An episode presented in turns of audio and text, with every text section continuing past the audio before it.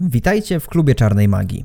Do tego, że magia nie istnieje, przekonywać będą Michał Zakrzeczkowski i Adrian Rajczakowski.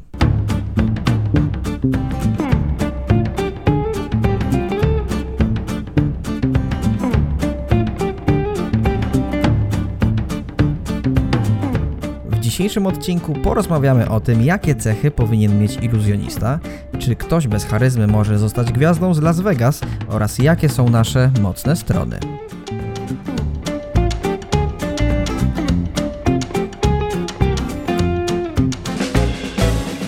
Dzień dobry, panie Michale. Dzień dobry, panie Adrianie. Bardzo ładne, kulturalne przywitanie, bowiem dzisiaj poważny temat. Dziś rozmawiać będziemy o cechach. O cechach, które powinien mieć iluzjonista, a nawet nie tyle iluzjonista, co dobry iluzjonista. Cieszy się pan na tę myśl? Cieszę się, ponieważ znam takie osoby. Y, Dobrych iluzjonistów? Tak, Czyli mnie. na przykład. I dziękuję bardzo. To jest koniec e, siódmego odcinka, w którym rozmawialiśmy o tym, jaki powinien być iluzjonista idealny, czyli ja. E, Wobec tego tak, mamy kilka pytań. Ten odcinek będzie szczególny z tego względu, że ja się będę wymądrzał. Dlaczego? Bardzo dobrze, bardzo dobrze. Ja się będę wymądrzał, bo z racji wykształcenia mojego. Ty się będziesz wymądrzał, jak będziemy rozmawiać o anatomii. Dobrze. No i fajnie. E, Wobec tego tak, na początek takie chyba pytanie, które każdy powinien zadać, każdy dziennikarz rozmawiając o tym temacie, to czy każdy może zostać iluzjonistą? Jak to jest, panie Michale, z twojej perspektywy? To już chyba nawet poruszaliśmy w którymś odcinku i moje zdanie było takie i nadal jest niezmienione, e, że każdy może się nauczyć cech, które potrzebne są do bycia iluzjonistą. Ale mówimy Ale tutaj o każdy z- cechach osobowościowych, czy o cechach takich twardych kompetencjach iluzjonisty, jak przekładanie kart? Obu. Aha, obu myślisz, no dobra. Tak, bo i możemy się nauczyć właśnie sprawności manualnej e, i różnych tego typu rzeczy, zwinności, i możemy się również nauczyć e, umiejętności lingwistycznych, pewności siebie, sposobu mówienia, charyzmy też się można nauczyć. Wiadomo, że niektórzy mają ją e, daną od Bozi, że tak powiem, bądź od kogokolwiek innego. E, i będzie im po prostu prościej, albo nie będą musieli w ogóle nad nią pracować, po prostu mają to naturalnie, ale to nie jest tak, że nie można się tego nauczyć. A ja cały czas... Wiadomo, No, tak? nie, bo Ja, chciałem znaczy powiedzieć... wiadomo, że predyspozycje genetyczne również są tutaj jakby brane pod uwagę, bo na pewno, nie wiem, przykładowo dłuższe palce będą powodowały, że będzie nam niektóre rzeczy wykonywać prościej, a niektóre będzie z kolei trudniej, no więc e, musielibyśmy tak naprawdę każdy z elementów e, rozbić na czynniki pierwsze i wtedy zobaczyć, czy, czy tak naprawdę da się tego wszystkiego nauczyć bądź nie. Ale prawda jest taka, że jeżeli na przykład nie mamy predyspozycji do jednej kategorii magii, czyli na przykład do cardistry, cardistry, tak to jak się nazywa? Tak. E, prze- przekładania kart, tasowania i tak dalej, to możemy na przykład być lepsi w mówieniu i wykonywać sztuczki mentalistyczne. Jak ja. E, jak ty. Więc e, nie każdy z biegu może zostać iluzjonistą, ale każdy może się nauczyć bycia iluzjonistą.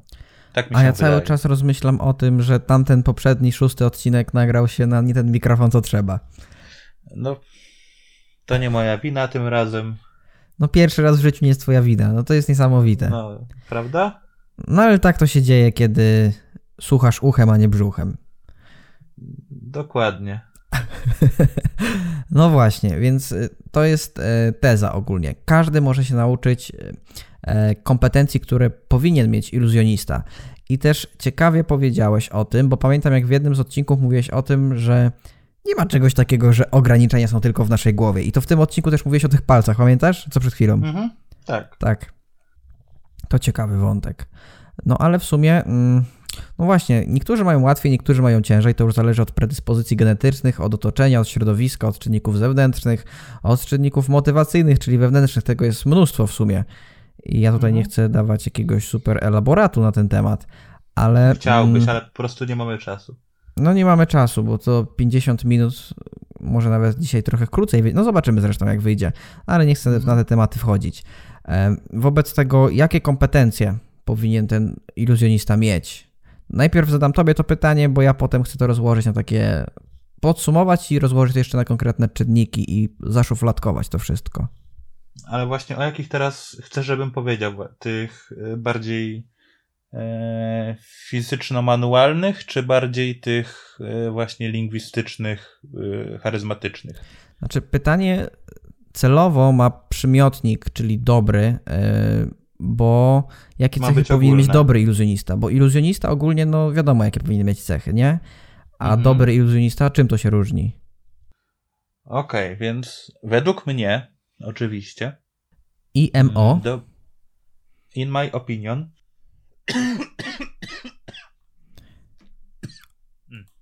Według mnie to masz jakąś gruźlicę. Według mnie to tak. To Chopin. Mhm. Moment, napiję się. Dobra. To w międzyczasie ja będę mówił o ciekawych rzeczach e, podczas chwili, kiedy Michał konsumuje napój zwany wodą. Wodę, tak. E, no Już. i koniec ciekawych rzeczy. Mm, według mnie Imho mm, dobry iluzjonista powinien na pewno być charyzmatyczny, no, to się rozumie samo przez się. E, powinien umieć dużo mówić, ale też powinien e, w momentach, kiedy mu nie mówi, lub kiedy sztuczka tego nie wymaga, bądź na to nie pozwala, swoją postawą, swoją aparycją nadal dawać poczucie profesjonalizmu, poczucie pewności siebie i, e, i tego, że nie znalazł się tutaj w tym miejscu przypadkowo. Też Czyli tak naprawdę na każdym. Tak? Słuchając Twojej odpowiedzi, skupiłem się też na telerze, który nic nie mówi. Powiedziałeś, że charyzmatyczny, dużo mówić, a potem na szczęście dałeś jeszcze ten y, gwiazdeczkę, że jak nie mówi, to też, żeby przekazywał tę energię. E, tak, no też wydaje mi się, na przykład te, teler samemu miałby ciężko. No tak, bez jakiegoś Bez oratora. takiego pena, tak, bez takiego pena byłoby to bardzo ciężkie, no byłoby to już pantomima po prostu, czyli Irek Ireneusz Krosny, im radosny. Dokładnie. No tak, to, to chyba jestem podobnego zdania, jeśli chodzi o to. Tak, e... no więc na pewno właśnie, właśnie te, te cechy e... powinno być go dużo na tej scenie, nie powinien się gdzieś chować, e pokazywać, że jest czegoś niepewny. Zresztą byliśmy kiedyś na pokazie magii. Eee... Nie będę, nie czy mówić z imienia nazwiska kogo. Nie mów może. Hmm. Tak, byliśmy we Wrocławiu na jednym takim pokazie, gdzie osoba po prostu, e, osoba występująca, rozumiem, że taki prawdopodobnie był jej pomysł na swoją postać na scenie, no ale jednak e, bardziej było widać tą niepewność jeszcze, która było widać tą niepewność mm, specjalną, czyli udawaną przez tą osobę, ale było widać jednocześnie też o wiele bardziej tą niepewność jego e, naturalną. E, I też w sumie w tym samym pokazie, i to też jest cecha, wydaje mi się, dobra dla iluzjonisty, to obserwacja publiczności. Tego, z jaką publicznością ma, ma się do czynienia, bo to nigdy nie będzie dwa razy ta sama publiczność. Mhm. E, czyli właśnie czy pewne żarty są dobrze odbierane, czy jednak nie, e, czy czy po prostu oni dobrze się bawią. To jest bardzo ważne, wydaje mi się, w, e, w byciu iluzjonistą, żeby widzieć właśnie, czy to, co robimy jest ok, czy jednak może powinniśmy trochę zmienić nasze podejście, nie mówię do sztuczek, jakie wykonujemy, ale do samego naszego bycia na scenie. Bo też na tym samym pokazie właśnie zauważyłem, o czym ci zresztą mówiłem, nie wiem, czy pamiętasz, bo to było już parę lat temu, E, że mm, osoba występująca kompletnie nie patrzyła na to, jak się publiczność bawi, jak się zachowuje i cały czas jakby ciągnęła jeden akt mm, swojej osoby, jakby cały czas pokazywała robiła te same żarty i tak dalej, które jakby kompletnie nie trafiały w tą publiczność, ale zamiast właśnie zmienić albo nawet przestać to robić, przez cały pokaz ciągnęła to po prostu do samego końca i i no dawało to taki nies niesmak trochę. Niesmak pozostał, jak to się mówi. Znaczy, jeśli mówimy o tym samym pokazie, a podejrzewam, że o tym samym, to ja mhm. wiem, że ta osoba, ten performer, nawet powiem tak z, angli z angielskiego, jak to mówią Aha. rusycyści, no to ta osoba zmieniła troszkę w tym pokazie i zrezygnowała chyba z y, jednej rutyny czy z dwóch na poczet innych, które miały bardziej uderzyć po przerwie w publiczność. No ale tak się chyba nie stało. Przynajmniej ja tego nie zauważyłem. Mhm. Ja też mm, co do tamtego pokazu, to pamiętam, że bardzo, ale to bardzo rozpraszało mnie y, czynniki środowiskowe. To znaczy ciągły ten rumor, hałas i to nie, był, nie, to nie było dobre Mm, miejsce tak. na pokaz tego typu, który widzieliśmy. Tak, tak, tak. To było bardziej właśnie na jakieś takie. E, Dla jakichś coś takiego lekkiego, coś takiego bardziej technicznego, ewentualnie, a tam dość dużo mentalizmu było próbowane, znaczy nie próbowane, było po prostu wciśnięte dużo mentalizmu, które na miejsce, w którym byliśmy, kompletnie nie pasował. Mhm. To też jest z kolei, wydaje mi się, właśnie ważną cechą iluzjonisty to potraf, y, potrafienie, umiejętność dopasowania programu do, e, do miejsca, w którym się występuje. No tak. Ale też nie zawsze masz stuprocentową pewność, że tam to się będzie działo. Mm, Jak najbardziej, dlatego my tak przynajmniej planujemy większość sztuczek, większość pokazów, większość programów, e, że jeżeli zaczynamy z czymś e, grać, no to mamy przygotowane sztuczki, które możemy wykonać wszędzie, Mhm. I na przykład, jeżeli wiemy, że będziemy występować w czymś w, ty, w typie baru czy, czy jakiejś sali konferencyjnej, gdzie jest szansa, że nie będziemy mieli na przykład żadnych pleców, będą ludzie dookoła nas, no to możemy wykonać takie sztuczki. A jeżeli wiemy, że tam będzie na przykład jakieś, nie wiem, e, centrum kultury czy coś takiego, gdzie będziemy mieli normalną scenę, no to też mamy inne sztuczki na taką okazję. No tak. No właśnie, ale to jest też taka e, kolejna cecha, tak jakby iluzjonisty. To nie dość, że taka antycypacja, czyli zdolność przewidywania pewnych ruchów w zakresie czy to organizacyjnym, technicznym, czy to też w takim e, zakresie fluidowym, bym tak to nazwał. Czyli, bo sam pokaz jest wymianą fluidów między wykonawcą a publicznością. Mhm. I w chwili, gdy publiczność nie reaguje na, na to, co się dzieje na scenie, nie bierze w tym udziału, to trzeba troszkę uderzyć ją z drugiej strony. Tę szpilkę Tak, przenieść dokładnie. troszkę w bok. Albo Taka świadomość po prostu tego, co się dzieje dookoła. No tak, czyli jest, ogólnie, jeśli tak miałbym to nazwać psychologicznie, to to jest mimo wszystko jedna, tak jakby inteligencja. To idealnie określa. I niestety, Tak. chcąc, nie chcąc, to inteligencja to jest umiejętność adaptowania się do obecnych warunków i umiejętność wyciągania wniosków szybkich i reagowania natychmiastowego. Czyli, Mhm. no to też ktoś by mógł powiedzieć, że na przykład pewność siebie jest ważna, żeby wyrazić swoją inteligencję w 100%. No jasne, to jest oczywiste, no bo czasem, kiedy czujemy się źle, no to nie, nie wynosimy. E, tak, mam wrażenie, najlepszym przykładem jest tutaj chyba jakieś takie teleturnieje wiedzowe, gdzie ludzie, wiesz, idą i pod wpływem stresu, emocji po prostu mówią jakieś głupoty, a nigdy wcześniej tego by nie powiedzieli i ogólnie są mądrzy, no ale potem wychodzi, że lama, e, stado, owce i wilki i watacha i potem są Mhm. memy w internecie przez to. No ale dobra, to temat też na inny odcinek, jak sobie na przykład radzić ze stresem e, wśród... e, Mhm. O, to jest fajny temat w sumie. Bo my co prawda jako magiczny dublet nie zrobiliśmy wielu pokazów, ale wcześniej występowaliśmy strasznie dużo razem. Bardziej jako kabareciarze satyrycy. O, dość mocno powiedziane, ale zgadzam się. No na różnych scenach staliśmy. I na mniejszych, gdzie było 20 osób na podwórku e, i gdzie było 400 osób w Centrum Kultury na przykład. No Tak, z niejednego pieca się jadło chleb, jak to się A i mówi. na Dni Miast występowaliśmy przecież niejednokrotnie, gdzie było jeszcze więcej ludzi. Pod tysiąc by Tak. podchodziło, albo nawet więcej może, no nie wiem. Ale no były takie Mhm. historie. I charytatywnie też. Tak, ty też w swojej tej wypowiedzi wspomniałeś o tym, e, znaczy o tym wspomniałeś, ja przed chwilą o tym wspomniałem, nie ty, co ja gadam, bo sobie tu wypisałem, jaka jest najważniejsza cecha iluzjonisty. No ja sobie w nawiasie tu dałem antycypacja, inteligencja i to jest troszkę to, o czym ty powiedziałeś, że trzeba cały czas Mhm. obserwować i się patrzeć e, na publiczność, jak ona reaguje. W sumie mój profesor z psychologii by powiedział, że nie reaguje, bo reakcja jest bezwarunkowa i ona trwa tylko chwilę i nie można powiedzieć, jak ktoś reaguje, bo to jest za krótko. To, to, to jego zachowanie Mhm. zdradza. Rozumiesz? E, Rozumiem. No ale są takie pewne przywary. E, No i właśnie ta inteligencja, czyli umiejętność adaptowania się. Jest też taki, mm, taka ważna rzecz, o której wspomniałeś, to charyzma. I e, od razu tutaj można zaznaczyć, że charyzmy można się nauczyć, co jest ciekawe. Są badania, które to pokazują. Jest też taki podcast, który mogę chyba polecić. No co to tam? To, to, to, nie jest duży podcast, to, tak jakby to jest też taki mały podcast.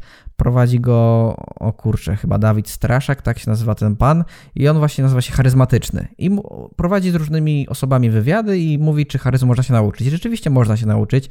I to jest fajne, że znając jakieś podstawowe narzędzia z zakresu psychologii, czy to wywierania wpływu, czy to psychologii poznawczej, troszkę społecznej, jesteś w stanie tak jakby lepiej się autoprezentować, a to z kolei przekłada mhm. się na e, wyższy poziom, wyższy stopień tej twojej wewnętrznej charyzmy, którą ciężko tak jakby zdefiniować bezpośrednio, bo jak ty rozumiesz charyzmę?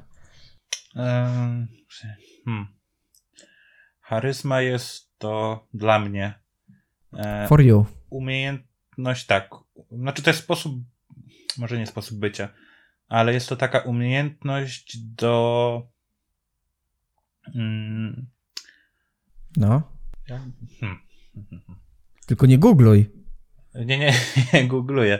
Charyzma to tak naprawdę jest. Mm, no, charyzma to pewność siebie. W pewnym sensie tak.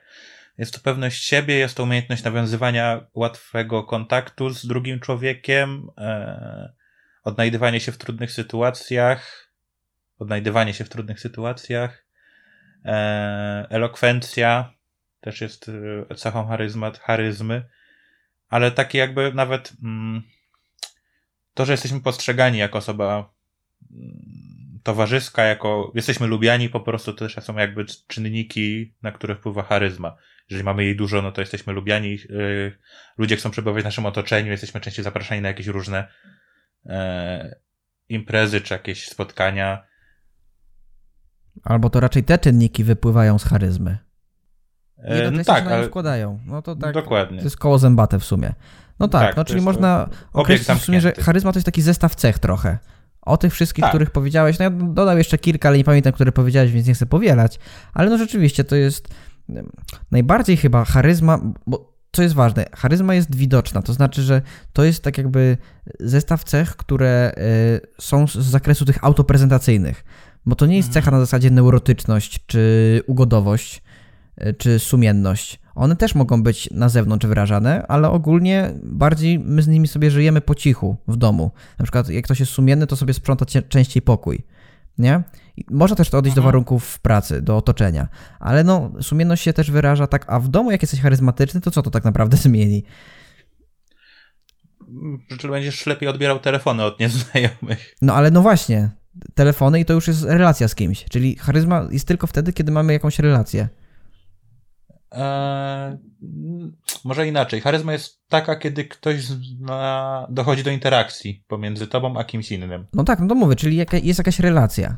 Relacja znaczy, nie na, na zasadzie, że relacja, nazwiesz, że kiedy relacją nazwiesz, kiedy na przykład mówisz coś do kamery i potem to udostępniasz w internecie? Czy to też będzie relacja? Tak, Czy to jest relacja, no. raczej... no. Okej, okay, dobra, okej, okay, to tak. To Może tak relacja ja widz, ja ktoś. Okej, okay, dobra, dobra, to tak no, to no, no, no, bo relacja jest takim mhm. słowem, które ma dużo znaczeń, no, ale mi chodzi o no. taką no. ogólną. No dobra, więc to ciekawe, to ciekawy wniosek z tą charyzmą. Mhm. Jak to bywa z charyzmą? No trudno. Taka to charyzma właśnie. Czyli, mm, no właśnie, ta charyzma. No i co z tego? A co wpływa na sukces takiego iluzjonisty? Oprócz tej charyzmy. Jeśli chodzi oczywiście o cechy osobowości. Ja też tu mogę powiedzieć, że e, tak może podejdę do tego bardziej naukowo troszkę, ale wiem, że ty Michale jesteś super fanem Jordana Petersona.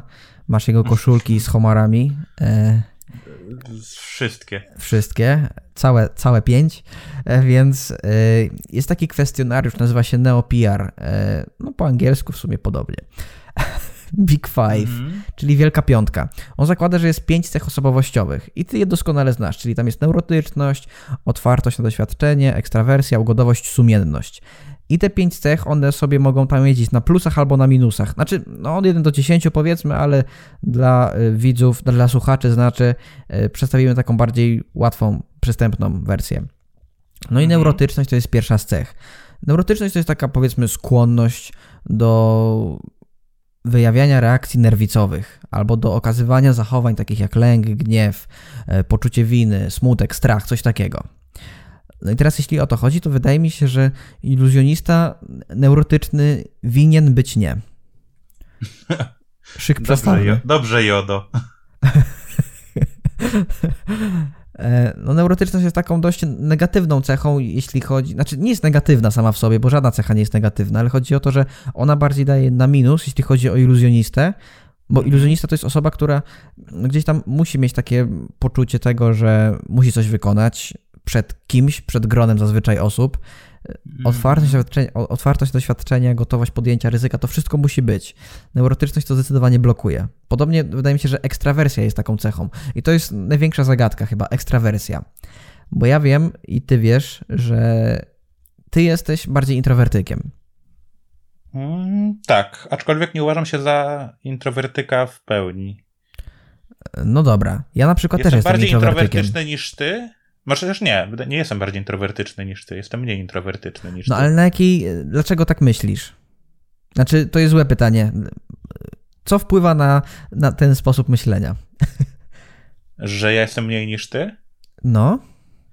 E, bo więcej na przykład w czasie studiów wychodziłem z domu niż ty. A, no właśnie, czyli ty w ten sposób definiujesz e, ekstrawersję i introwersję. Mhm. No właśnie. Jakby chęć i potrzeba kontaktu z drugim człowiekiem. Mm. Ale także, ale także jakby u, u, wy, uwyzdatnianie, u, po, mm, pokazywanie uczuć na zewnątrz. Też wydaje mi się, że to jest kwestia ekstrawertyzmu lub introwertyzmu. Jak bardzo się afiszujesz z uczuciami. No powiedzmy. Znaczy nie, ale no, powiedzmy, że nie tak. Nie jestem psychologiem. No ja wiem, ja, ja, ja, jestem, ja się będę tutaj wymądrzał. Znaczy, nie ma co się wymądrzać też za bardzo, bo chodzi o to, że e, jest dużo różnych teorii na temat ekstrawersji, introwersji, bo nie do końca wiemy, czym to jest tak naprawdę, bo to są terminy, które wymyślili psychologowie. Nie ma czegoś takiego, w sensie, to nie jest jak lampa, że ona jest. To jest po prostu mhm. gdzieś tam sobie pływa. No i na przykład Eysenck zaproponował taką fajną definicję, że ekstra, ekstrawertyk bierze tak jakby energię z otoczenia, czyli on musi mieć innych i ci inne osoby go stymulują, bo jego mózg jest na takim tak jakby etapie, że kiedy jest cicho, to on nie będzie stymulowany. A skoro in, z kolei introwertyk ma trochę odwrotnie, nie? Czyli e, on potrzebuje ciszy, spokoju, bo wtedy on tak jakby działa już na dużym, tak jakby bodźcu, na dużym pobudzeniu.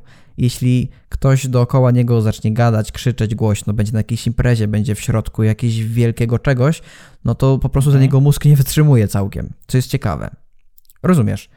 Tak, no to w sumie po takiej definicji dalej ciężko mi stwierdzić, którą stronę się skłania, bo po prostu czasami mam tak, a czasami mam w drugą stronę. I to jest kolejna ważna rzecz, że nie ma czegoś takiego, że ktoś jest stuprocentowym ekstrawertykiem i introwertykiem. Dlatego mhm. jest taka fajna też definicja tam biwertyzmu czy ambiwertyzmu, to, to różnie ludzie tam pisali w internetach, bo po co czytać książki. No oczywiście. Ale, ale no, yy, to jest w sumie płynne, bo ja uważam się za stuprocentowego introwertyka, jeśli chodzi o dom w ogóle. Ja w sensie, kiedy jestem sam, to jestem najlepszy. Mam tak samo. W domu no. tak. Mhm. Że jesteś sam i się dobrze z tym czujesz. Nie potrzebujesz tak. ludzi do dodatkowej stymulacji. Tak, nie przeszkadzają mi, aczkolwiek nie przeszkadzają mi, jeżeli jest to dawkowane w małych ilościach. No właśnie, jeśli to jest zaplanowane odpowiednio, jeśli tak, się wcześniej tak. umawiacie. Dokładnie. A tak jakby teraz nagle do ciebie przyszło 20 osób na, na imprezę? No, to bym musiał posprzątać. Aha, to jest. A, to ja bym powiedział, to musiałbym dorobić zamek w drzwiach. A no, to, to potem, ale najpierw musiał posprzątać, no, chyba że mógłbym ich zatrzymać na korytarzu, to wtedy nie musiałbym Aha, sprzątać. w ten sposób. Tak. No dobra. No właśnie, więc to, z tą ekstrawersją i introwersją to nie jest do końca tak. Ja też wiem, że dużo twórców w ogóle e, nazywa się introwertykami. Nie wiem, to jest takie modne w ogóle teraz chyba, mhm. że mówi, że jest depresja i że jestem introwertykiem. Tak, tak, zauważyłem, że to są takie dwa terminy. Depresja i introwersja to są takie dwa najpopularniejsze terminy quasi psychologiczne, powtarzane w, w kulturze takiej masowej. To Sad boys się chyba tak mówi. Jak? Sad boys się określa Fat chyba boys? taki. No, nie wiem, tak wydaje mi się, że parę razy gdzieś mi się przewinęło w internecie. To są właśnie tacy, takie osoby, które myślą, że, znaczy myślą, nie, nie zaprzeczam, że mogą nie mieć depresji, ale e, może nie kreują to złe słowo, ale uwydatniają bardzo i pokazują to, że mają e, tą powiedzmy depresję i, i, że tak strasznie nikogo nie lubią i nic nie chcą, ale jednak pokazują to wszystkim, robiąc zdjęcia, czy jak upubliczniają swój wizerunek, więc to jest takie troszeczkę e, eliminujące się. No to jest typowe celowe działanie dla dla zdobycia często poklasku i dla podniesienia swojej samooceny. Tak. Żeby po prostu im na przykład współczuć. To jest jeden z modeli. Ale tak, tych modeli jest znacznie więcej. Ja nie chcę, bo to jest dość taki kruchy temat, więc nie chcę, żebyśmy, żeby wyszło, że czasami jakby jest to też szukanie pomocy. Znaczy nie chcemy bagatelizować w ogóle takiej choroby. Tak, tak, tak. To, to tak, nie chodzi dokładnie. o to. Tylko chodzi o to, że to stało się mody do tego stopnia, że ludzie już przestali odróżniać prawdziwą chorobę, która jest totalnie zabójcza i mnóstwo tak. samobójstw przez nią się dzieje, od takiego głupiego trendu nazywania, no, no, bezpodstawnego nazywania jakiegoś swojego stanu depresją, na przykład albo na siłę, albo dla śmiechu, albo dla mema. Tak. No, to, to tylko podoba mi się, że rozbiłeś, Podoba mi się, że rozbiłeś dla śmiechu i dla mema. Tak, no bo nie zawsze mem jest śmieszny. No, to prawda. Dlatego tak rozbiłem, no a jak, panie Michale. E, tylko nie wiem, po co my o tym mówiliśmy. No właśnie, troszeczkę zawędrowaliśmy nie w te meandry. No ale to jest ten podcast, to jest Klub Czarnej Magii, tutaj dygresje są na porządku dziennym. Dokładnie. Tu się bawimy z widzem, z słuchaczem, e, niczym kot włóczką, kłębkiem nitki, znaczy się. E, no tak. dobra. Mhm. Nie pamiętam, co my chcieliśmy tym osiągnąć, że mówiliśmy o depresji. Nie wiem, ja skończyłem mówić, ty zacząłeś i nagle znaleźliśmy się tutaj. Obudziłem się, wstałem i nagle nagrywam podcast. Nie wiem, co się dzieje. No, Chociaż jest 18.25.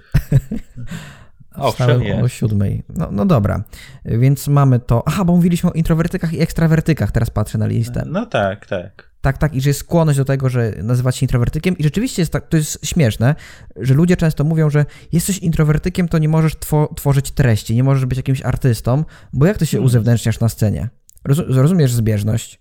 Znaczy tak, paradoks. nie słyszałem nigdy takiego określenia, żeby ktoś w ten sposób mówił. A nie, no to, ja to słyszę bardzo często. Znaczy, oglądając o. polskiego YouTube'a, mam wrażenie, że e, może nie większość YouTuberów, ale pełno YouTuberów, których znam polskich, e, mhm. Mówi o sobie jawnie, jestem introwertykiem. Oczywiście bez mhm. żadnych racjonalnych przesłanek, tylko takich, że lubię siedzieć w domu. Nie? To jest przesłanka mhm. ich. Mhm. E, no ale no powiedzmy, że to by się zgadzało na takiej płaszczyźnie nie wiadomo jakiej, ale, ale, ale chodzi o to, że E, oni mimo wszystko tworzą w internecie i ich widzowie na przykład zarzucają im, że no jak tworzysz w internecie, jesteś introwertykiem, czemu się uzewnętrzniasz? Mhm, no jest w tym trochę racji, można powiedzieć. No właśnie, według mnie w ogóle nie ma racji, bo znaczy, to, że takim, się uzewnętrzniam, jeżeli, jeżeli, znaczy... O, jeżeli oni używają określenia introwertyzm tylko jako osoby, która nie lubi wychodzić z domu i lubi siedzieć sama, to powiedzenie, że E, to jakby to w drugą stronę odbita jest piłeczka, to w takim razie nie powinieneś tworzyć, bo introwertyzm polega tylko na tym, czyli że po prostu siedzisz i się nie uzewnętrzniasz. I obie tutaj Jasne. definicje introwertyzmu są błędne. Jasne, ale y, masz na przykład mnie. Mhm. Ja jestem introwertykiem i to mam potwierdzone testami trzema, które robiłem sobie na studiach. Mhm. E, I kurczę, ja jestem osobą, która nie dość, że tworzy w internecie, to jeszcze lubi scenę i lubi ludzi, ale tylko na scenie. I rozumiesz, się tak jakby nie wyklucza. Mhm. Tak. To, że jest, chodzi mi tylko o to, żeby to podkreślić, że, że bo, bo ważne jest to rozgraniczenie między taką, e, no teraz nie wiem jak to ładnie w ogóle ubrać w słowa, ale chodzi mi o to, że introwertyk też może normalnie wychodzić z domu i to jest... No pewnie. No tak, tak. Może mieć dziewczynę. No i to nie jest, no tak, to nie jest cecha, która gdzieś by tam e, przeszkadzała w zostaniu dobrym iluzjonistą. Przecież ja jestem genialnym, więc no. widzicie, da się, tak? Czy ty jesteś introwertykiem, który nie potrzebuje bliskich relacji? Który nie. No bo jakby relacja z widzem jest kompletnie inna niż relacja nawet z kimś, kto siedzi u ciebie w domu. Nie mówię tutaj o rodzinie, czy mhm. tylko bardziej o znajomych. Nie potrzebujesz znajomych aż tylu mieć. Ja nie mam żadnych. Wystarczy, no dzięki. Znaczy, no nie mam e, żadnych znajomych, to mam ciebie, ale ty jesteś y, takim bliskim bardziej przyjacielem niż znajomym. Och, och, no dobra wybrnąłeś. Znaczy, no chodzi mi o to, że ja mam takich znajomych, z którymi wychodzę no nie, na piwo, nie? Tak, to, no bo nie pijesz, ale... E... to, to może być kolejny problem. Ale tak, no nie potrzebujesz relacji w czasie wolnym. O, może to jest dobre określenie. O, to jest dobre określenie, bo ja zupełnie nie potrzebuję tego. No. Tak. E, ja czasami potrzebuję, czasami lubię się gdzieś tam spotkać z kimś, ale też nie jest to bardzo częste czasami ty kurczę cały czas wstawiasz Insta Stories z ludźmi. No, od kiedy ostatni raz? Yy, ty, tydzień temu w górach. Tydzień temu w górach. No to, no i to był jedyny raz, kiedy byłem w górach w tym roku. Gdzieś w ogóle poza Wrocławiem. Ale to była ta generaliza- generalizacja na zasadzie taka No dziennikarska. Ty cały No. czas wstawiasz. No. No. Eee, no więc nie, ale chyba też mi kiedyś taki test robiłeś na tą osobowość i, Robiłem ci. i nie pamiętam co mi wyszło, na pewno ni, nic Nie takiego powiem ci tutaj, bo to oczywiście. jest tajne oczywiście. No. Ale robiłem, tak, to prawda. No więc co? Mm, no więc tak mamy z, to, z, to, z tą, e, z tą, z czą? Z ekstrawersją, introwersją. Mhm. Mamy taką ważną cechę jeszcze jakąś ugodowość i na nią, nad nią chciałbym się na chwilę, że tak powiem, po modnemu pochylić. Och, Jak to mówi pan Kuroń, e, znasz pana Kuronia filozofa? filozofa nie. On mówi, czekaj, Kuroń? Chyba Kuroń, Krzysztof Kuroń, chyba tak. On mówi, teraz jest wszyscy, modne pochylanie. Nic nie robią, wszyscy tylko się pochylają. że, że, że głupie określenie pochylać się nad problemem. Zamiast, nie wiem, Mhm. rozpatrzyć, spojrzeć. No ale dobra, nieważne. W każdym razie ugodowość. Taka cecha, którą każdy rozumie i chyba nie trzeba wytłumaczyć. I czy iluzjonista powinien być ugodowy, czy nie? Bo ja ci powiem z perspektywy takich badań, no to przedsiębiorca ogólnie ma dwie cechy, które musi mieć. Niską ugodowość i wysoką sumienność. A jak Mhm. to by było z y, iluzjonistą? Wydaje mi się, że powinien być podobnie jak przedsiębiorca, bo to też jest jakby. mm, Bo to jakby wiąże się to trochę z cechą, o której chciałem powiedzieć następnie, czyli przedsiębiorczość. Też iluzjonista powinien być, jakby znać się na tym, jeżeli jest, że tak powiem, one man show, Mhm. Czyli nie ma całego zaplecza, które za nim stoi i organizuje występy i tak dalej, więc powinien też się znać trochę na przedsiębiorczości. E, więc wydaje mi się, że też nie powinien być bardzo ugodowy, tylko stawiać swoje warunki, cenić z siebie swoją pracę i, i egzekwować od ludzi, którzy chcą e, go wynająć, którzy go zatrudniają, żeby też mm, docenili to, co on robi i, i, i cenili tak, jak on to ceni. No tak, to jest ważne z takiej perspektywy stricte biznesowej, bo nie ukrywajmy, ale iluzjonista musi coś jeść i zarabiać, jeśli to jest jego jedyny zawód. Dokładnie. Więc y, Dokładnie. podstawą tak jakby do bycia dobrym iluzjonistą, a dobrym to znaczy takim, który się jest w stanie utrzymać tego zawodu, jest to, żeby potrafił negocjować warunki współprac. Mhm. No i ta niska ugodowość jest w tym momencie cechą kluczową moim zdaniem, ale też wydaje mi się, że popełniłem błąd. Przed chwilą powiedziałem pan Krzysztof Kuroń chyba, tak? Tak, tak powiedziałeś? A nie Karoń. No nie. To Karoń. No to. I chyba Krzysztof, no żeby potem nie było w komentarzach, że No ja dlatego nie sypię nazw... ja dlatego nie sypię nazwiskami. aha. No ale to chciałem powiedzieć, bo to strasznie śmieszny mem w ogóle kiedyś był, że wszyscy się pochylają, wszyscy się pochylają. To, to, to mnie śmieszyło. No okej, ale ustaliliśmy to. I rzeczywiście też mam takie podejście, takie bardziej przedsiębiorczowe. To, to nowy, nowy przymiotnik, nie wiem czy znałeś. Nie. Nie? podejście przedsiębiorczowe. No bo teraz to wymyśliłem, e, że wysoka sumienność to tu jest zdecydowanie na plus, jeśli chodzi o wszystko. Czy o samą naukę iluzji, czy o samo uczenie się biznesu, bo nie ukrywajmy, ale to jest takie wielopoziomowe jest. Yy, zawód iluzjonisty jest wielopoziomowy, jeśli robisz to w edycji homemade. Mhm. Bo musisz sobie zrobić, czy to jakąś sesję, yy, zatrudnić kolegę, który ci zrobi zdjęcia, czy to nauczyć się sztuczek musisz, czy to musisz jeździć sobie tym samochodem na, z występu na występ, czy to musisz jakąś stronę, jakąś wizytówkę, jakieś filmiki w internecie, żeby się reklamować. Tak wszystko, kiedy robisz to domowym sumptem, a zakładam, że większość ludzi w tym momencie tak robi, bo nie stać po prostu młodych iluzjonistów na to, żeby wynająć nie wiadomo kogo, przecież to jest normalne no to ta niska ugodowość i wysoka sumienność może być. I też wydaje mi się, że możemy o takich rzeczach porozmawiać też w innych odcinkach. Tak się teraz miło rozmawia, jak dyskutujemy na takie tematy. No tak, my zawsze jako o takich rzeczach rozmawiamy, co spędzamy na tym godzinę bądź więcej. No tak, wobec tego, jeśli e, macie jakieś pytania z tego zakresu, czy to z takich kompetencji właśnie, e, nie do końca jeśli chodzi o sztuczki iluzjonistyczne same w sobie, tylko bardziej o osobowość iluzjonisty, o jakieś cechy iluzjonisty, no to zapraszamy serdecznie do zostawiania komentarzy, pytań. Możecie się nawet nagrać. Mamy taką funkcję na Ankorze, ankor.com łamane przez klub Czarnej Magii. Tam możecie zostawić swoją wiadomość głosową, my możemy ją odczytać i nawet tutaj ją w podcaście zawrzeć. To jest ciekawe, nie? Nie wiedziałem, że taka funkcja Tak. jest, ale już się dowiedziałem. Y, Jeszcze chciałem jedną rzecz, panie Michale. Słucham. Y, Znasz model SWOT? E, znam, nawet na studiach się nim posługiwaliśmy. Każdy robi chyba na studiach ten model. To jest tak uniwersalny i zjechany już, że stracił swój Tak. urok troszkę. Ale chciałbym, żebyśmy teraz tak przeszli mniej więcej, żeby pokazać ludziom, e, na czym polega ten model i dlaczego warto go wcielić w swoim biznesie, żebyśmy go odnieśli do magicznego dubletu, czyli do e, naszej działalności artystycznej. Nie? Możemy? Dobrze, to an- analiza SWOT. Analiza. SWOT. Zaczynamy od S, czyli silne strony. Po angielsku nie będę mówił, bo wyjdzie jak z panem Krzysztofem Karoniem, który na chwilę był kuroniem. Tak. Mhm. Silne strony iluzjonisty, tak? Silne strony magicznego dubletu. Mówiłem, że na naszym przykładzie to magicznego zrobimy, żeby ludzie A. mogli sobie to odnieść potem.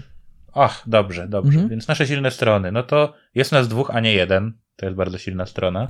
To jest silna strona z perspektywy, yy, po pierwsze, iluzjonistycznej, na zasadzie, że możemy robić więcej sztuczek, bo inne, że możemy robić sztuczki solowe, to możemy robić sztuczki wykorzystujące duety, możemy robić sztuczki wykorzystujące różnego rodzaju kody między dwoma osobami na scenie, a możemy także po prostu jedna osoba może zejść i robić swój pojedynczy akt, solo akt. To jest ciekawe. Tak jest. No. E, ale też nie, nie patrząc bezpośrednio na występ, no to też prościej nam jest nawet kupić niektóre rzeczy do sztuczek, e, przetransportować. Jakby taka cała logistyczna e, sfera tego prowadzenia takiej działalności też jest o wiele prostsza w dwie osoby. jest prostsza i też ta twórcza na zasadzie nie, że już występowania, ale twórcza, jeśli chodzi o tworzenie efektów i o kreatywność. Tak, Bo, tak, bo zawsze m- możemy się krytykować albo chwalić dobre pomysły. No właśnie, ty głąbie. No i następna cecha? Gąbia.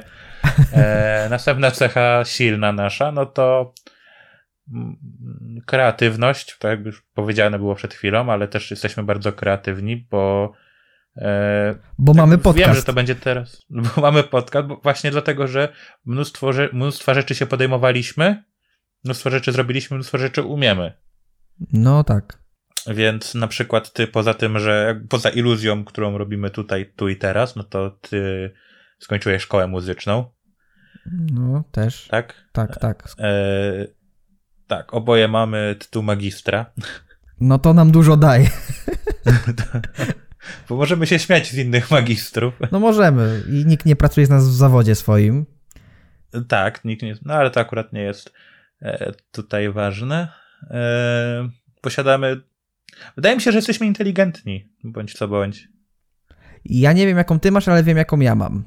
Ja nie wiem, bo nie miałem nigdy tego sprawdzonego, chciałbym bardzo. A ja miałem. I już tylko raz w życiu mogę to mieć, bo ja już teraz jako psycholog znam ten test, więc bez sensu. Mhm. Ale wiem, że jestem w tym górnym procencie osób, których jest naprawdę mało na świecie. O, proszę. No. No. więc, a jako, że się dogadujemy, to zakładam, że mam podobnie. E, ty? No, A ile to jest 2 plus 2 razy 2? sześć. Obiektywny test inteligencji. 120 IQ. Jakie 120? 150 to jest max. Masz 100, 152, za, za skalę wyszedłeś. 120 powiedziałem. No, ale ja mówię, że masz 152, bo za skalę wychodzisz. A, no to widzisz. Źle No policzyłem. a jak? Ja jestem psychologiem w końcu, ja mogę Dobrze. dawać takie opinie. Dobrze. Mm, silne cechy jeszcze nasze. No.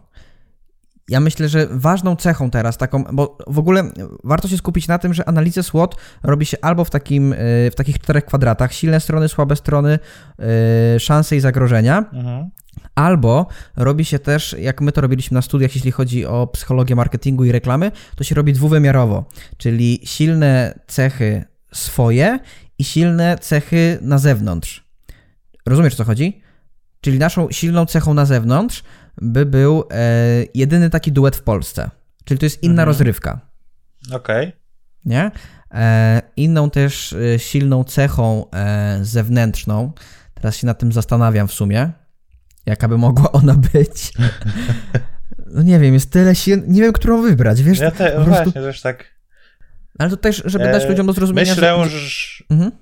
że też silną naszą cechą jest to, że się bardzo długo znamy. No tak, to była Więc to silna cecha też- wewnętrzna. Tak, więc to też nie jest współpraca przypadkowa. To też nie jest tak, że mm, zobaczyłem Adriana na scenie i stwierdziłem, tak, chcę z nim współpracować. Albo nie było to odwrotnie, no tylko znamy się już jakieś 18 lat. Można powiedzieć, że mamy własny język do porozumiewania się i są to teksty z kabaretów. No niestety. Starych, ale starych, podkreślam, starych, nie nowych. Starych, tych dobrych, tych jedynych prawdziwych. Tych do... Tak. Eee... No więc jakby tutaj taki właśnie powracając do tego, że eee że we dwójkę występujemy, no to też się w każdej z, tej, z tych sfer dogadujemy bardzo dobrze, bo e, no bo tak, no po prostu się dogadujemy. Tak więc zjedź na dół, wypnij się i poczekaj. Bo pik ma na dole. No bo pik ma na dole i gitarka wszystko gra i trąbi zespół kombi. E, no tak, więc tutaj jeśli chodzi o te silne strony, to możecie wypisać swoje silne strony po pierwsze na płaszczyźnie takiej typowo kreatywnej, iluzjonistycznej, po drugie na płaszczyźnie to może być marketingowej, czyli czym się wyróżniacie. Tutaj też da, taką radę jako marketingowiec, wiesz o co chodzi Michale. E... O no właśnie to jest silna strona, że ty się bardzo dobrze znasz na marketingu. No, znaczy, że robię marketing Co też nie zawodowy. każdy... No tak, co też nie każdy iluzjonista pewnie ma albo zna się na czym no w większości się nie znają, chociaż robią to skutecznie, bo problem polega na tym, wiesz na czym polega główny problem marketingu? Nie mam pojęcia. Że kiedy zacząłem tak robić troszkę więcej, to zauważyłem, że nie to jak wygląda reklama, ale to czy jest skuteczna jest ważniejsze. A ja miałem ten problem zawsze, że ja robiłem ładne rzeczy, ale one nie były skuteczne. Mhm. Wiesz o co chodzi? Wiem. A teraz widzę, że Polacy lubią, lubią niestety brzydkie rzeczy. Im bardziej jakieś pstrokate te kolory, takie nijakie, tym bardziej się przyjmują. To jest dziwne w ogóle. Mhm. Im ktoś jest bardziej naturalny i popełnia więcej błędów językowych, tym się bardziej wybija na różnych YouTubach i tak dalej. No zobacz, jak YouTuberzy w ogóle wyglądają w Polsce, nie? No, no niestety. No, no, no to nie są kurcze Jordany Petersony. Oczywiście zdarzają się wyjątki, ale to już jest wartość, którą oni dają. Taki Jordan Peterson na przykład, który się wybił, a to też nie w Polsce zresztą. Mhm. W Polsce jest mało kanałów takich naukowych. W sumie nie ma chyba żadnego kanału. A może jest jakiś naukowy kanał, który ma powyżej miliona subów? Ja nie wiem. Nie, aż tak szczerze. polskiego YouTube'a nie śledzę niestety, żeby wiedzieć. Kurczę, ja nie wiem. Nie wiem, czy polimaty chyba nie mają, naukowy bełkot chyba też nie. Wydaje mi się, że nie, no ale to jest kwestia do rozstrzygnięcia. No i a propos właśnie tych umiejętności marketingowych, to ważne jest y, stworzenie tak zwanych USP albo UVP. To jest Unique Selling Proposition albo Unique Value Proposition, czyli jest taka jedna cecha główna waszego biznesu, jako iluzjonistów, no a też innych biznesów, ogólnie to do każdej branży się odnosi, która daje wam przewagę nad konkurencją. My mamy takie USP i UVP, o którym wam nie powiemy, bo to jest nasze oczywiście. Dokładnie ale. Zapłaćcie. Tak, ale to ogólnie ma działać. Czyli mm, nie można stawiać na to, że na przykład USP czy UVP będzie niska cena pokazu, bo to nie o to chodzi. Wiesz, to jest tak jakby strategia krótkoterminowa, bo co ci da, że zrobisz 50 pokazów za 500 zł, jak możesz zrobić 10 pokazów za 5000? Dokładnie. Pracy mniej, nie wiem ile powiedziałem, ile tam zer było, ale są albo takie same, albo większe. No załóżmy, że większe, bo też nie, nie liczyłem. No ja też nie liczyłem, no dobra. Ale w każdym razie to teraz weakness, weaknesses, czyli przejdźmy do cech e, słabych. E, no to ja bym powiedział, że ja przynajmniej nie mam aż tak dużego mm, doświadczenia na scenie jak ty. Aha, ale to jest słaba dysonans. cecha, jeśli chodzi o jednostkę, jeśli chodzi o magiczny dublet. Tak. Aha, bo ogólnie... jak jesteś, no dobra, jesteś częścią załogi, więc teoretycznie no tak. ciągniesz nas w dół. Ciągnę trochę nas w dół. Eee, no. huh. Jako magiczny dublet, nie wiem, aparycja może. No. No, przystojni nie jesteśmy, może tak. Znaczy, no ja jestem, wiesz, ty to tam wiesz, no, no dobra, ale no tak, ja tak. Nie, no to ja nie jestem, no. I na tym polega właśnie inteligencja. A to też jest ważne. Eee... Tak. Myślę, że słabą naszą stroną, jeśli chodzi o nasz biznes, jest to, że nie mieliśmy zbyt dużo możliwości ogrania naszego programu przed pandemią. Tak, to prawda. Tylko to jest też tak zewnętrzna słaba strona, nie? Aczkolwiek zamierzamy to nadrobić w najbliższym czasie. Tak. Eee, co jeszcze? Kolejną słabą stroną jest to, że e, ona się łączy też z mocną stroną, ale to, że jesteśmy duetem, e, może wpływać negatywnie na odbiór tego pokazu, bo ludzie w Polsce nie są do tego jeszcze przyzwyczajeni. No jasne. Był taki jeden projekt, ale nie wiem jak on wypadł tak naprawdę, bo ja nigdy ich nie widziałem w akcji, słyszałem o nich, e, chyba z Łodzi byli z tego co wiem, z miasta Łodzi, gdzie nawet bieganie psom szkodzi, jak to mawiał słynny cytat. E, no i nie wiem jak to wyszło, ale w każdym razie no my możemy mieć z tym problem. No po prostu trzeba będzie spróbować i zobaczyć jak to wyjdzie. Znaczy, no ja o to się jakoś nie martwię szczególnie, ale mówię, że po prostu trzeba będzie przyzwyczaić publikę do nowej jakości, do nowego wymiaru iluzji w naszym pięknym, cudownym polskim kraju nad Wisłą. Dokładnie. No dobra, dalej mamy opportunities. Mhm, czyli okazje. No, tłumaczone na szanse. Tak. Yy, no więc właśnie bycie takim pierwszym duetem to jest szansa, bo jeszcze nie ma takiego w Polsce. Tak, i to też jest ciekawe, że kolejny raz wkładamy to samo, tą samą tak jakby cechę, czyli bycie mhm. duetem. Tylko ona w zależności od kierunku przybiera różne cechy. Tak, jest wielowymiarowa. I, I, warto patrzeć na te y, szanse jako na zdarzenia z przyszłości, bo y, słabe strony silne to jest teraźniejszość, a szanse i zagrożenia, czyli te dwudolne kwadraty, to już jest przyszłość. Tak. Bo ja też na przykład na studiach, jak robiliśmy to ćwiczenie, to mnóstwo osób się na tym kładło, bo pisało na przykład jakieś szanse w stylu e, jestem przystojny, nie? To jest szansa.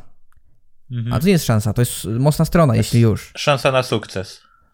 No właśnie, dokładnie tak. E, zagrożeń w sumie jeszcze może być mm, tak mi przyszło do głowy, że a już o zagrożeniach nie mówimy nic. No jeszcze nie mówiliśmy o zagrożeniach, mówiliśmy o szansach. A, no wydawało mi się, że już mówiliśmy. Panie Michale, co pan ma jakiś brain fog? Zmę zmęczony. Eee, o szansach. Szanse, jakie jeszcze mamy? E, no to na pewno szansą jest to, że teraz po zakończeniu tej pandemii będzie dużo imprez na pewno organizowanych. To jest dla nas szansą. Oj, to jest super w ogóle szansa zewnętrzna. To każdy, tak jakby iluzjonista, może sobie wpisać, że tak. znowu się popyt zwiększy na usługi iluzjonistyczne. Bo mam wrażenie, że już jak to się skończy, nie wiem, czy to się skończy w tym roku, podejrzewam, że nie, ale yy, nie wiem, czy widziałeś już wypowiedź Billa Gatesa, który straszył, że będą kolejne pandemie niedługo. Znaczy jest to bardzo prawdopodobne, patrząc na to, co się dzieje na świecie. I nawet na nie na świecie, co się dzieje co się dzieje dookoła. No tak, tak, tak. Ale ogólnie no, nie był takim super optymistą, że będzie szczepionka i nagle wszystko wróci do normy, bo tak raczej nie będzie, to jest mało prawdopodobne. Czyli gdyby wszystkich zaszczepić w tydzień, no to jak najbardziej, ale ja zanim się doczekam na szczepionkę, to minie pewnie jeszcze pół roku albo więcej. No tak, z tym, że to wiesz, ludzie się niektórzy nie będą szczepić, bo tam Polacy na tak. przykład E, no co, nie wiem, jakie są badania. 50% się szczepi, czy ile z obecnych seniorów? Nie, nie wiem. No właśnie, więc będziemy się z tym bujać po prostu do usranej śmierci, jak już tak muszę poważnie powiedzieć. No, no mnie najbardziej w tym wszystkim denerwuje na przykład to, że yy, państwa, znaczy to nie jest jeszcze potwierdzone, więc nie mówię, że to jest potwierdzone, ale na przykład państwa nie dają, znaczy chcą wprowadzić niektóre państwa coś takiego, że trzeba będzie mieć papierek, nie? Że jak chcesz podróżować, to musisz mieć papierek, że jesteś zaszczepiony. Ja uważam, że to jest poważne zagrożenie wolności, w sensie w moim rozumieniu wolności. Ja wiem, że ty masz trochę inne podejście, ale no dla mnie to jest skandal. To znaczy, nie, nie mam stuprocentowej pewności co do skuteczności tej szczepionki, czy nagle nie pojawi się po prostu szczep odporny na tą szczepionkę. No pojawi się, jak to strasznie, w grypie na przykład, nie? E, tak, więc będzie strasznie głupie wprowadzenie tego, pomimo tego, że na przykład nie wszyscy są zaszczepieni. No tak, tak. Bo gdybyśmy tak. wprowadzili coś takiego za parę lat, kiedy już jakby ta szczepionka się przyjmie przez tych, co chcieli ją przyjąć i co mogli ją przyjąć i będzie rzeczywiście potwierdzone, że te osoby nie chorują, e, no to wtedy wprowadzenie czegoś takiego miałoby większy sens. A ja dla no wszystkich, no jeżeli... którzy y, śpią albo się obudzili, dalej rozmawiamy o tym, jakie cechy powinien mieć dobry iluzjonista. znaczy, no jest to temat, temat na czasie, więc myślę, że też na, o nim możemy porozmawiać w jakimś innym odcinku. No możemy, eee... będziemy poruszyć takie tematy, jak najbardziej. Jeśli ludzie będą chcieli, zobaczymy jaki będzie odbiór w ogóle takich odcinków na zasadzie światopoglądowych i opiniotwórczych. Czy chcą ludzie usłyszeć, tak, co myśli... Wydaje mi się, że w, Pol w Polsce ludzie lubią słuchać o tym, o, no, lubią słuchać tego, co ktoś inny myśli. Znaczy tak, jak najbardziej. To też widzimy po kanałach komentarii na YouTubie, które się super wybijają, bo komentują na przykład, y, co kto zrobił dobrze, kto co zrobił źle. To jest genialny w ogóle pomysł na biznes. Obrażać innych za pieniądze. Dlaczego na to nie wpadliśmy, Michale? Ale nieważne, dobra. Wobec tego mamy te szczepionki e, i to są nasze szanse. Szczepionki są naszą szansą. Godność człowieka mamy. Rozum i godność, dokładnie. Dokładnie. E, więc co jeszcze jest szansą? No i to są takie szanse główne, zewnętrzne szanse. E, też w szansach e, można dać coś takiego, że mamy parcie na sukces. To jest taka dziwna szansa e, i ona by była teoretycznie silną stroną, tylko, że jeśli ona tyczy się przeszłości i rozwoju, a wiem, że na przykład ja mam coś takiego, nie wiem, czy ty masz coś takiego, bo trochę się już y, nie widzieliśmy przez ten czas pandemii, tylko chyba dwa razy się widzieliśmy na żywo, czy trzy. No. To ja mam coś takiego, że mam stałą potrzebę y, rozwijania działalności, ale moją słabą stroną, na przykład osobistą, jest to, że skaczę z kwiatka na kwiatek często, czyli projekt za projektem robię. Mhm. Nie?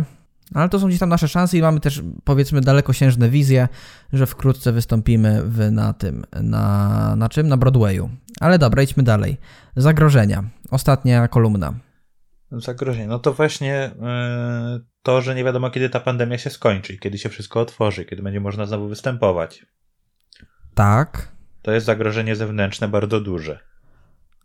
Też zagrożeniem mogą być ogólnie obostrzenia dane po pandemii, bo jeśli będą na przykład imprezy mogą być, ale tylko dla bliskich gości, nie? Coś takiego Mhm. na przykład, Mhm. jeśli chodzi o wesela. E, zagrożeniem też, to już bardziej osobistym, może być to, że e, na przykład nie, e, nie będziemy mieli czasu na wszystkie występy, ponieważ ja jakby pracuję na, na etacie i też nie mam takiej możliwości, że jak na przykład dowiemy się, że za miesiąc mamy występ w piątek, to mogę coś, znaczy mogę coś z tym zrobić, ale nie jest to takie proste. Nie jest tak, że powiem, że nie idę do pracy i nie idę do pracy, idę na występ. No. Znaczy, no to jest takie tutaj- zagrożenie. Mm, no dobra, Nie jest to takie stuprocentowe zagrożenie, które może nam uniemożliwić występ, aczkolwiek będzie powodowało dużo problemów. No tak, bo my też wychodzimy z założenia, że nie chcemy tak jakby w 100% i to też chyba jest ważne, co powiem, że w 100% zanurzać się w tą iluzję na hura. To znaczy, Tak. nie chcemy być iluzjonistami tylko po to, żeby być iluzjonistami i robić sztuczki na scenie. Dokładnie. To nie jest No nasze jednak- założenie, że my jak najszybciej chcemy być najbardziej znani na świecie, tylko na razie robimy to super hobbystycznie. Dokładnie, żeby zobaczyć jak się przyjmiemy, jak nam się będzie występowało, jak to będzie odbierane. Tak, dlatego Michał cały czas tak jakby pracuje u siebie. Ja pracuję u siebie, tylko ja mam tą przyjemność, że mam szczęście, że pracuję zdalnie, więc dla mnie tam, wiesz, czy pokaz będziemy mieć tu, czy tam, to dla mnie nie ma żadnego znaczenia. Bardziej chodzi o to, czy ty będziesz mógł wziąć na przykład urlop na żądanie. Chociaż ja zakładam, że Tak. większość imprez tak jest sobota, niedziela, więc... Chociaż też ma No, czasem niewiele, to u pracujące. mnie, niewiele to u mnie zmienia, No właśnie. tak naprawdę. Zapomniałem, że w gułagu ty cały czas tam ciśnie. No Tak. ale Na froncie, na pierwszej linii, to, to nie miły żart y, wojenny, no ale... ale prawdziwy. ale prawdziwy niestety. Mm, No i co jest, jeszcze zagrożeniem wewnętrznym jest pewien rozłam, bo może być na przykład u nas rozłam, że niektórzy, ja mam na przykład inną wizję, a ty masz inną wizję. E, Jest to jakieś zagrożenie, aczkolwiek wydaje mi się, że nie wiem, ja jestem dość ugodowy i nie, nie upieram się bardzo przy swoim. Jeżeli Znaczy ty tak, jesteś nie upieram się przy ugodowy, swoim, ale no. ty jesteś ugodowy do, mm, nie wiem jak to ładnie ubrać słowa, żeby ci nie obrazić. E, nie no dawaj, śmiało. Znaczy, chodzi o to, że twoja ugodowość, tak mi się czasem wydaje, że nie wynika typowo z osobowości, że jesteś ugodowy, tylko czasem wynika z takiego tumiwisizmu, jeśli tak to mogę nazwać. E, tak, to prawda. Czasami się zgadzam, żeby mieć spokój. No właśnie o to mi chodzi. A to nie zawsze wnosi wartość, nie? Do, do... E, Jak, jak najbardziej. Aczkolwiek wydaje mi się, że może tak, jest, upieram się, kiedy wiem, że mam rację. E, A tutaj akurat wiem, że ty masz o wiele większe doświadczenie w tym wszystkim, tak naprawdę, co jest związane z magicznym dubletem, więc też nie będę się aż tak bardzo upierał przy swoim. No i fajnie. Nie upieram się, nie mając bazy, pod, nie mając jakichś podstaw, jakichś fundamentów pod tym, co uważam. Więc na przykład, gdybyśmy mieli rozmawiać o. E, o czym na przykład? Nie wiem, o, o roślinach i byś mi zaczął coś tam próbować wcisnąć, no to wtedy bym się z sobą kłócił i, i uparł przy swoim, bo wiem, że akurat w, tym, w tej kwestii wiem więcej niż ty. Dobra, dobra. Ja wiem więcej. No. Chlorofil No to jest taki właśnie. zielony barwnik, który robi liście zielone. Chloroform. A, chloroform, zapomniałem, no tak. No. Tak. E, no, ale jakby i iluzja, i samo jakby prowadzenie takiej działalności jest twoją smykałką, więc ja tutaj po prostu jestem do pomocy. Wydaje mi się, że to też jest zdrowe w takiej relacji dwóch osób w przedsiębiorstwie. No ale niestety też, znaczy niestety, tak jakby musisz być ryjem. W sensie, to nie jest takie zasadzie, że ty możesz odpuścić, tylko ty mimo wszystko musisz dawać najbardziej. swoją facjatę, nie? Tak, tak, jak najbardziej. Bardziej chodzi mi właśnie o jakieś podejmowanie decyzji i tak dalej. Czy na przykład e, dostaniemy dwie propozycje na jeden wieczór i który ten wybieramy. No to mm, jak, jeżeli powiesz mi, że tutaj na przykład przyjdzie więcej osób, ale tutaj będziemy mieli klimatyzację i stwierdzisz, że jednak lepiej jak będzie więcej osób i się przemęczymy, spoko. nie ma, nie, jakby ja nie będę się kłócił, że nie musimy mieć klimatyzacji, ale będziemy mieli publikę mniejszą o 200 osób. Kocham przykład z klimatyzacją. No. To damy na koszulki. Musi być tam, klimatyzacja. No. To wpiszemy w naszym liderze. Nie ma klimy, nie ma musi przystępu, być, sorry.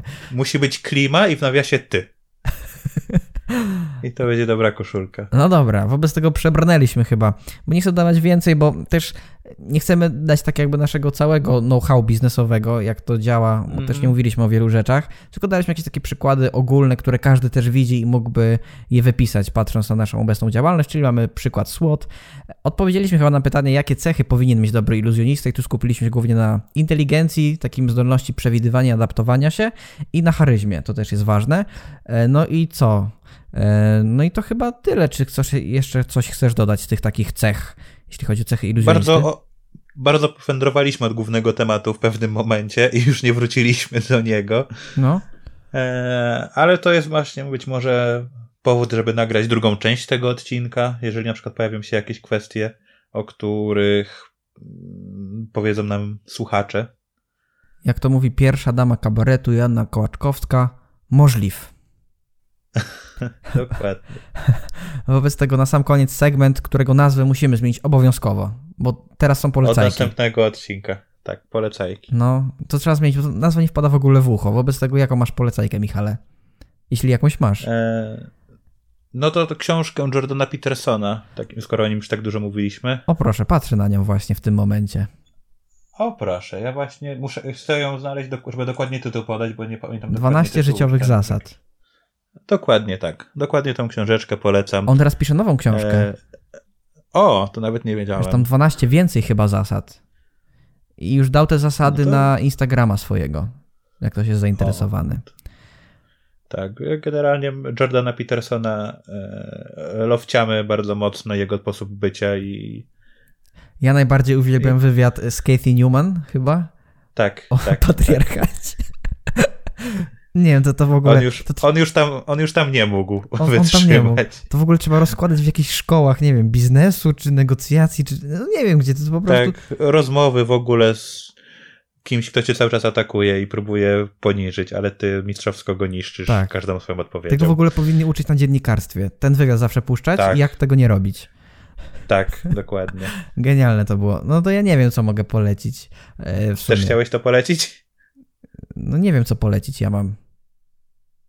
Znaczy, mogę też polecić tę książkę, ale chciałem coś takiego też innego, ale no w sumie nie wiem teraz. No dobra, niech będzie ta książka. E, chociaż ostatnio słucham sobie e, pioseneczki dżemu, wróciłem do dżemu, proszę ja ciebie. O, proszę. Polskiego zespołu blues rockowego i słucham najbardziej moją taką ukochaną e, pieśnią, jeśli mogę tak to nazwać, jest Ballada o dziwnym malarzu. O, proszę. To jest takie mało znane, ale bardzo ładne. A to, co nie jest w mainstreamie, często jest bardzo ładne. To prawda. Tak, więc to mnie ostatnio natchniewa, ale jeśli ktoś nie chce być natycha w sumie, jak to było w jednym z pierwszych odcinków, ale jeśli ktoś nie chce być smutny przez cały dzień, to proszę tego nie słuchać. To proszę posłuchać yy, jak malowany ptak. A to też jest takie smutne, tekst jest melancholijny. A, no to, Czy przyjmiesz no mnie, mój Boże, kiedy odejść przyjdzie czas? Przecież to jest też niesmutne. No w, sumie, w sumie rację. to proszę posłuchać... Whisky moja żona. Whisky moja żona. Czerwony jak cegła. O, dobra, i klasyczek mamy. Czerwony jak wino na początku, teraz już cegła. A wobec tego co my, czerwoni jak cegła nie jesteśmy, mamy klimatyzację, chociaż ja nie mam, ty pewnie też nie. No nie. No nie, ale nie jest aż tak ciepło w domu, żeby być na szczęście, czerwonym. Na szczęście nie. Na szczęście nie. A przypominam, że to było siódme spotkanie Klubu Czarnej Magii. Przypominam także o tym, że możecie tego podcastu, czyli naszego autorskiego podcastu, podcastu magicznego dubletu. Słuchać na różnych platformach streamingowych, m.in. na Spotify, Apple Podcasts, Google Podcasts i innych, i innych oczywiście platformach. Możecie także na anchor.fm łamane na Klub Czarnej Magii wysłać do nas wiadomość głosową. I to jest ważna informacja z tego względu, że możecie się nagrać, my możemy to odsłuchać, następnie wasze pytanie pojawi się na przykład w podcaście kolejnym. I to będzie ciekawe dla was, dla nas, bo będziemy odpowiadać na pytania. Możemy w ogóle zrobić taki segment Q&A, że kilka osób się nagra i będziemy odpowiadać na te pytania w ciągu na przykład jakiegoś takiego trzygodzinnego odcinka, takiej trąby. Łopanie. No chyba, że będzie mało pytań, to 30-minutowego. O, to prędzej. Albo wiesz, no może być godzin, tak jak ten, bo ten ma już godzinę. Kto to będzie słuchał? Kto to będzie słuchał tyle czasu? No ludzie, ja słucham czasem 6-godzinnych podcastów. O panie. No, to, wiesz, no jak jedziesz na przykład autem gdzieś długo, no to zamiast muzyki to sobie włączasz. Albo jak odkurzasz, albo myjesz korytarz, wiesz jaki mamy korytarz. Wiem. To jak myję korytarz, Taki- to sobie słucham Taki kawałek. nawet 5 minut roboty. No tak, ale słucham sobie kawałek, potem odkurzam pokój, to słucham, myję pokój. No to ja słucham muzyki. A, no ja, ja, ja, no ja, tak, ja, ja nie wiem, ja czasem podcastek jest coś ciekawego, a my jesteśmy bardzo ciekawi. W związku my z tak. tym to by było na tyle i oczywiście trzymajcie się ciepło. A my znikamy.